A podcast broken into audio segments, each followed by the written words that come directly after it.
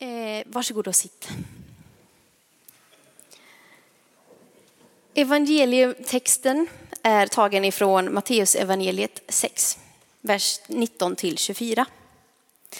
Jesus sa, samla inte skatter här på jorden där mal och mask förstör och tjuvar bryter sig in och stjäl. Samla skatter i himlen där varken mal eller mask förstör och inga tjuvar bryter sig in och stjäl. Ty där din skatt är, där kommer också ditt hjärta att vara. Kroppens lampa är ögat. Om ditt öga är ogrumlat får hela din kropp ljus. Men om ditt öga är fördärvat blir det mörkt i hela din kropp. Om nu ljuset inom dig är mörker, hur djupt blir då inte mörkret?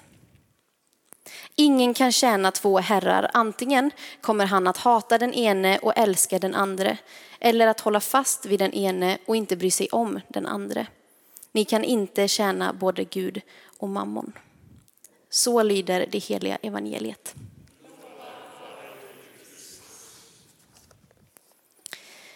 Kvällens tema är som nämnt rik inför Gud.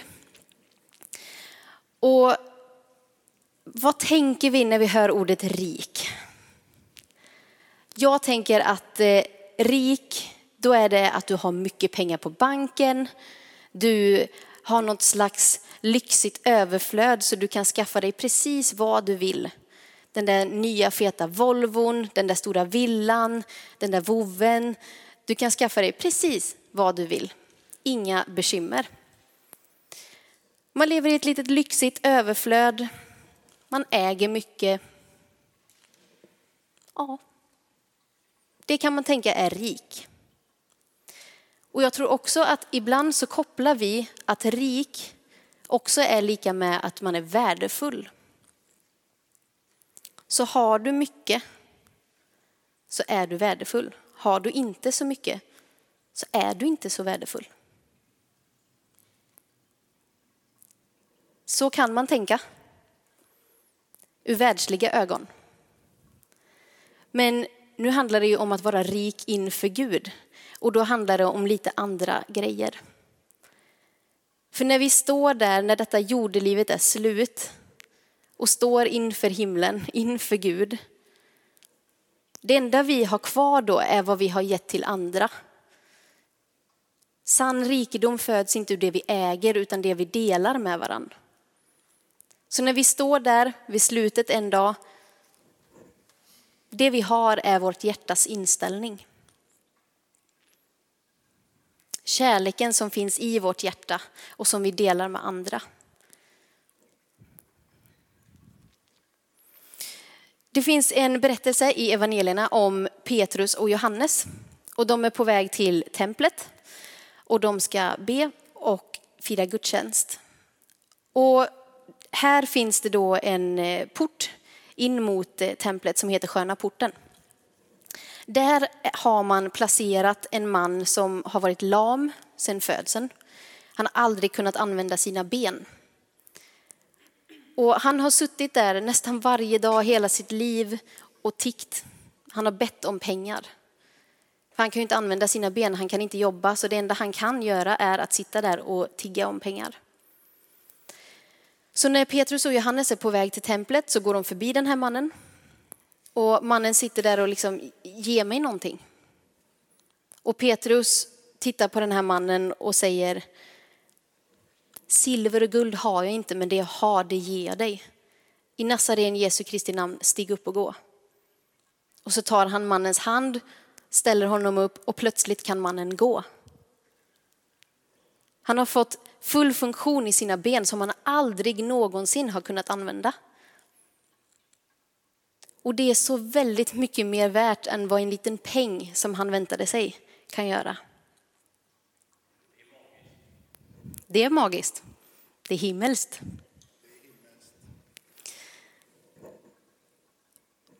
Sen har vi en annan berättelse om en annan man. Igenkänningsfaktor kan finnas på de här exemplen. Eh, det finns en man i Bibeln som eh, en sommar så fick han väldigt, väldigt, väldigt stor skörd. väldigt annorlunda mot vad den här svenska sommaren har gett oss. Men han fick så mycket skörd så han visste inte vad han skulle göra av det. Så han tänkte så här, ja men okej okay, det blir ett överflöd här, vad ska jag göra med det? Jo jag vet, jag river mina lador så bygger jag nya och större lador så att jag får plats med allt som jag har skördat. Och då kan jag chilla många år framöver. Då kan jag äta gott, jag kan dricka gott, jag kan roa mig. Ja, behöver inte jobba så hårt. Det låter väldigt, väldigt bra. Men då säger Gud, din dåre. Du kommer dö i natt och vem får då del av den rikedomen?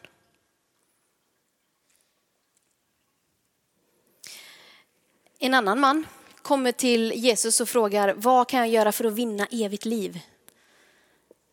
Då svarar Jesus, gå och sälj allt du äger, ge det till de fattiga och så kom och följ mig sen. Och då gick mannen bedrövad därifrån för att han var väldigt rik. Han ägde mycket. Och det tog emot för mycket i hans hjärta att lämna ifrån sig alla de här pengarna som han kanske hade kämpat för hela livet att få ihop. Tog det i för mycket för att ge bort det till de fattiga. Igenkänningsfaktorn här kan vara att vi vill samla det vi har på hög. Det vi tjänar vill vi gärna hålla för oss själva. För det är det samhället säger att vi ska göra. Du ska jobba, du ska tjäna pengar och det ska synas att du har mycket pengar. Och en poäng här som är värd att nämnas är att pengar är inget ont. Det är inte fel att ha mycket pengar på banken. Absolut inte. Men när pengarna får ta fokuset ifrån oss, ta fokuset ifrån vad som är viktigt i livet, det är då det blir ont. Kärleken till pengar är roten till allt ont, inte pengar i sig. Och samhället är uppbyggt så att det är konsumtionssamhälle. Samhället jobbar hela tiden för att du ska komma på att du har ett behov. Just det, en sån tröja med en sån krage, det behöver jag. Och sen så ger samhället dig möjlighet att köpa den tröjan. Och sen säger de, nej, nu ska det inte vara sån krage längre, utan nu ska det vara en annan slags krage. Då behöver du en sån. Jajamän, det behöver jag. Det är lätt att kastas mellan de här tankarna som konsumtionssamhället bara matar oss med. Men ger det oss någon lycka egentligen? Jag var på missionsresa i Uganda en gång och då slogs jag så hårt av den tanken att här har de typ ingenting. De har en kyckling och en get. Och nu har vi varit på middag här där de slaktade geten och gav till oss. Oss västerlänningar som ändå är ansedda att ha mycket. Men de verkade inte ledsna för det. De gav inte ens av sitt överflöd men ändå verkade de lyckliga. Västvärlden är ganska lätt att man roffar åt sig och så behåller man det för sig själv sen, samlar på hög i en liten lada. Så att man kan ta utav det hela tiden sådär. Men ger det någon lycka? Är det att vara rik på riktigt? Det finns en eh, berättelse som jag har läst en gång om Karl och Kristina. Och Karl är eh, bonde, eller vad man nu ska kalla honom. Han har väldigt, väldigt mycket ägor i den här byn i alla fall. Och han brukar ta sin häst som är en jättestor, jättevacker häst. Så brukar han sitta på den och så rida runt på sina ägor och kolla till lite så att allt ser bra ut och allt är rätt och i ordning och sådär. Och en dag så kommer han till en jättestor ek och så rider han förbi där och så ser han Kristina sitta där. Och hon packar upp sin kvällsmat som hon har valt att hon ska ta med ut och äta ute i det gröna. Och så rycker hon till när hon ser Karl och så säger hon, åh förlåt, jag såg inte att det var du, jag såg inte att du kom. Jag höll precis på att be och tacka Gud för maten. Och så tittar Karl på Kristinas mat som hon packar upp Och det är lite bröd, det är lite saft och det är en kaka till efterrätt. Och Karl fnyser liksom lite och bara, är det där så mycket att tacka för? Och Kristina säger att ja, det är det. Och sen säger hon, vilken tur att jag träffade dig idag Karl. För vet du vad, jag hade en så märklig dröm i natt. Och det var att i min dröm så hörde jag en röst som sa att den rikaste i byn kommer dö i natt. Och det är ju du. Så vad bra att jag fick säga det till dig nu. Och Karl blir ju då väldigt, väldigt rädd. Så han rider hem, kallar på läkaren, säger att nu måste du kolla igenom hela min kropp, vad är det som är fel? Jag tror att jag kommer dö i natt. Läkaren kollar igenom allting, det är inga problem, inget fel. Men Karl är fortfarande rädd så han säger nu du får stanna hos mig hela natten. De sitter där natten igenom, spelar lite kort för att försöka hålla sig vakna, vara lite allmänt trevliga. Och sen så somnar de lite för att de orkar inte hålla sig vakna. På morgonen sen så vaknar de av att en liten pojke kommer och knackar på dörren och säger läkaren, läkaren, du måste komma. I natt så dog Kristina i sömnen.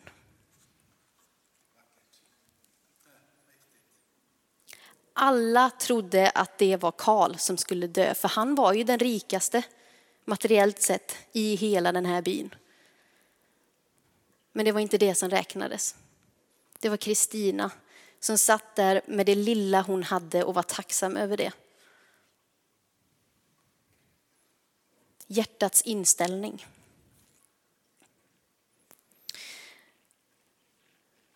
Så vart har du din skatt någonstans? Är det i dina ägodelar?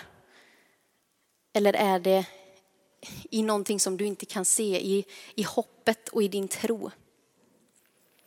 Vidare så läste vi om hur ögat är kroppens eh, lampa. Och det här ögat, det kan ses som ett fönster som, liksom, som hjälper dig att se världen på ett visst sätt. Om du fokuserar på pengar så kan det hända att du får en grumlig syn. Ditt öga blir grumligt. Du kan inte se konturer riktigt längre. Du vet inte riktigt vart du ska gå. Det blir lite som att du famlar i mörkret. Men om du har blicken fäst på Jesus så får du en klar syn. Du ser sanningen, du ser kärlek, du ser ljus och liv. För Jesus är allt det där. Genom det så fylls din kropp med det och det är så du ser på världen. Så vart har du ditt fokus någonstans? Vad är det du väljer göra stort i ditt liv? Om du fokuserar på det där lilla problemet så tro mig, det kommer bli större och större ju mer du funderar på det. Men har du istället fokuset på Jesus så är det han som kommer bli större och större och få mer och mer plats i ditt liv.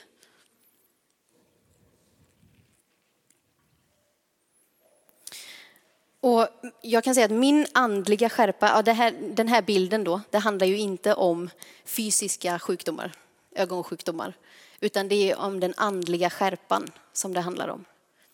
Och min andliga skärpa, jag märker att den blir lite grumlig, den blir suddig när jag har fokus på fel saker. När jag inte tar min tid med Gud och låter honom verka i mitt hjärta, då blir det väldigt lätt att mina tankar och mitt fokus vandrar iväg till de där pengarna, till den där utbildningen, till den där karriären, till allt möjligt som inte är så gott. Så det är viktigt att hålla fokuset på Jesus, på det som är det viktiga. För det vi väljer att fokusera på, det kommer också bli det som vi kommer tjäna under. Om du har fokuset på en avgud, någonting som stjäl ditt fokus ifrån Gud, kallas en avgud. Om du har fokuset på det, då blir det inte så kul.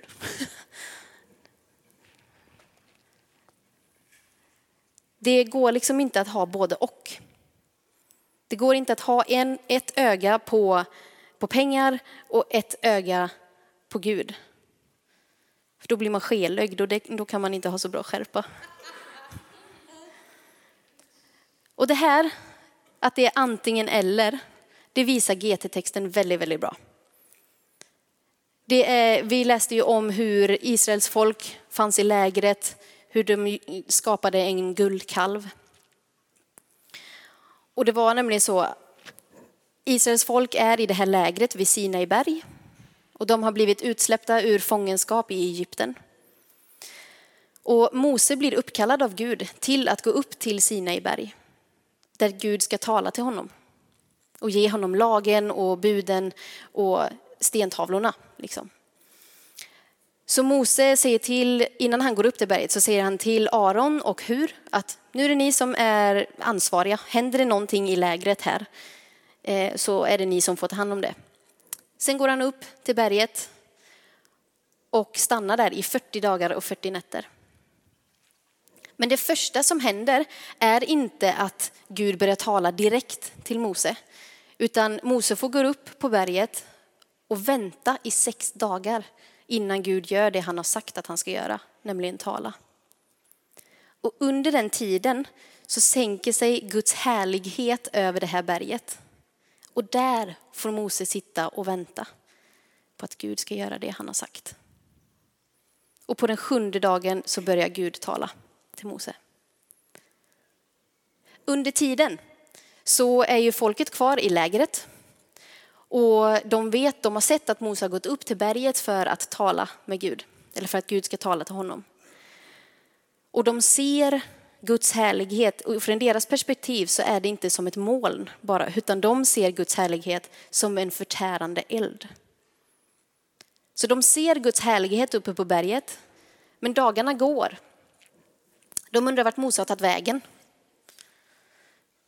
de liksom, deras iver att få tillbe ökar. Så de går till Aron och säger till slut att nu får du ge oss en Gud som vi kan tillbe och offra till.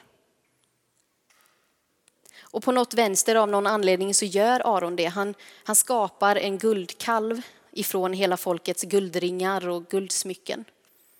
Gjuter de en guldkalv och plötsligt så står hela Israels folk och ropar till den här guldkalven att se Israels folk, det här är vår Gud som gav oss frihet ifrån Egypten.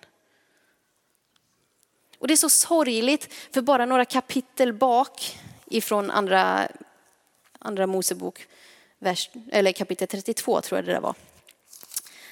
Eh, så läser vi i andra Mosebok kapitel 15, om vi bläddrar tillbaka dit, så har folket precis blivit befriade ifrån Egypten under slaveriet under eh, farao.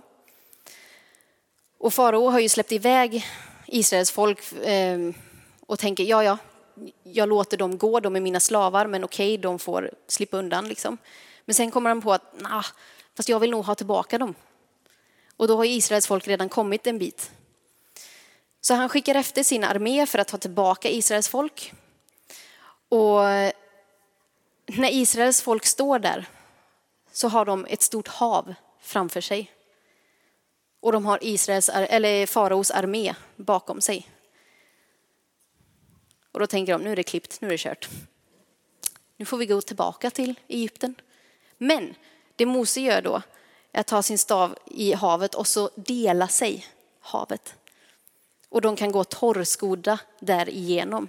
Alltså fattar ni eller? vilken grej? Det är liksom en havsvägg på denna sidan, en havsvägg på den sidan. Det är plötsligt torr mark. De går inte ens på gegga, där de går torrskodda igenom. Och när de är över på andra sidan så slår havet igen. Och när de kommer över till andra sidan så sjöng Mose och israeliterna denna lovsång till Herren.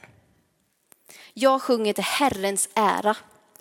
Stor är hans höghet och makt. Häst och vagnskämpe vräkte han i havet. Herren är min kraft och mitt värn. Han blev min räddning. Han är min Gud och honom vill jag prisa. Honom vill jag lovsjunga. Och så går det liksom vidare så här när de bara öser över tillbedjan och tacksägelse till Gud. Tack att du har räddat oss. Och sen står det, vem är som du, majestätisk och helig, värdig fruktan och lovsång, mäktig att göra under.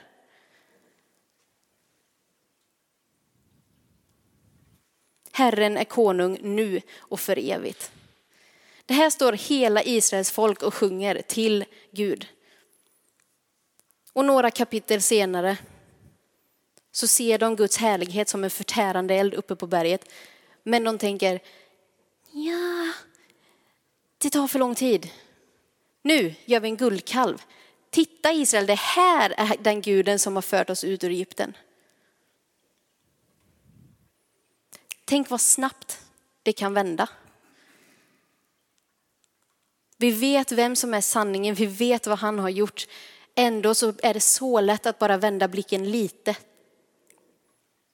och tillbe någonting annat. För vi människor har, vi skapade med en sån längtan att få tillbe någonting. Och det är det vi ser i samhället också, man kan tillbe så många olika saker. Kroppsideal, karriär, pengar, you name it. Vart är ditt fokus någonstans?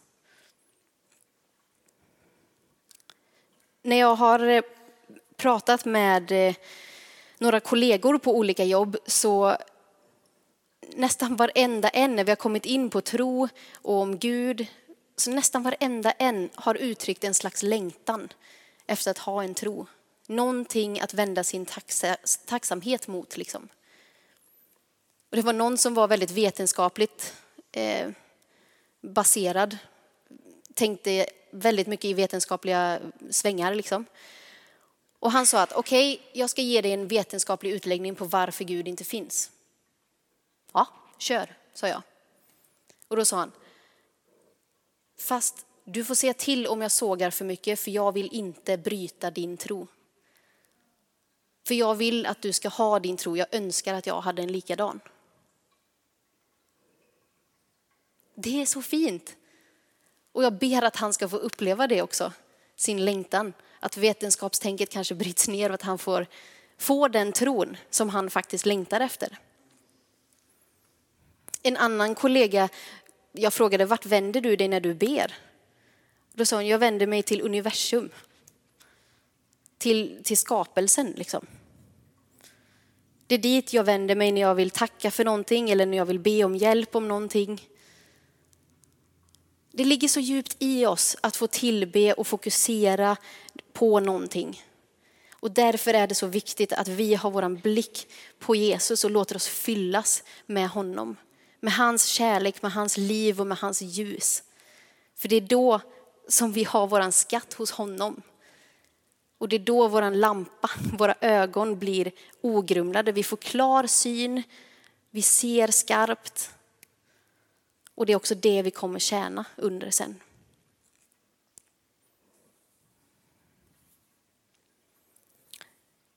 Så låt dig inte luras av den här världens rikedomstänk. Håll blicken fäst på Jesus. För det är genom honom vi får liv. Och vi kanske inte har mycket. Men tron och hoppet inom oss kan ingen någonsin ta ifrån oss. Din bil kan bli stulen, din bank kan gå i konkurs, din lägenhet kan brinna ner. Det kan gå så fort. Men hoppet och kärleken i våra hjärtan, det kan aldrig någonsin någon ta ifrån oss. Bara vi håller blicken skarpt, fokuserad på Jesus. Vi ber. Herre, tack för ditt ord. Tack för din kärlek som du har för oss. Tack att du är kärlek och att du är liv och att du är ljus och att du är sanning. Gud, jag ber just nu att du ska uppenbara saker för oss i våra hjärtan. Att du ska uppenbara sanningar för oss. Saker som vi har fokuserat på fel kanske. Jag ber att du ska redirect, omdirigera våran blick, Herre. Så vi kan få ha våra ögon fästa på dig. Och Jesus, fortsätt tala till oss under resten av kvällen. Fortsätt knacka på våra hjärtan och visa vad som är sant, Herre. Och tack att du inte bara visar vad som är sant och vad vi behöver kanske ändra i vårt tänk eller vårt fokus. Tack att du också visar vägen dit, Herre. Hur vi ska uppnå det.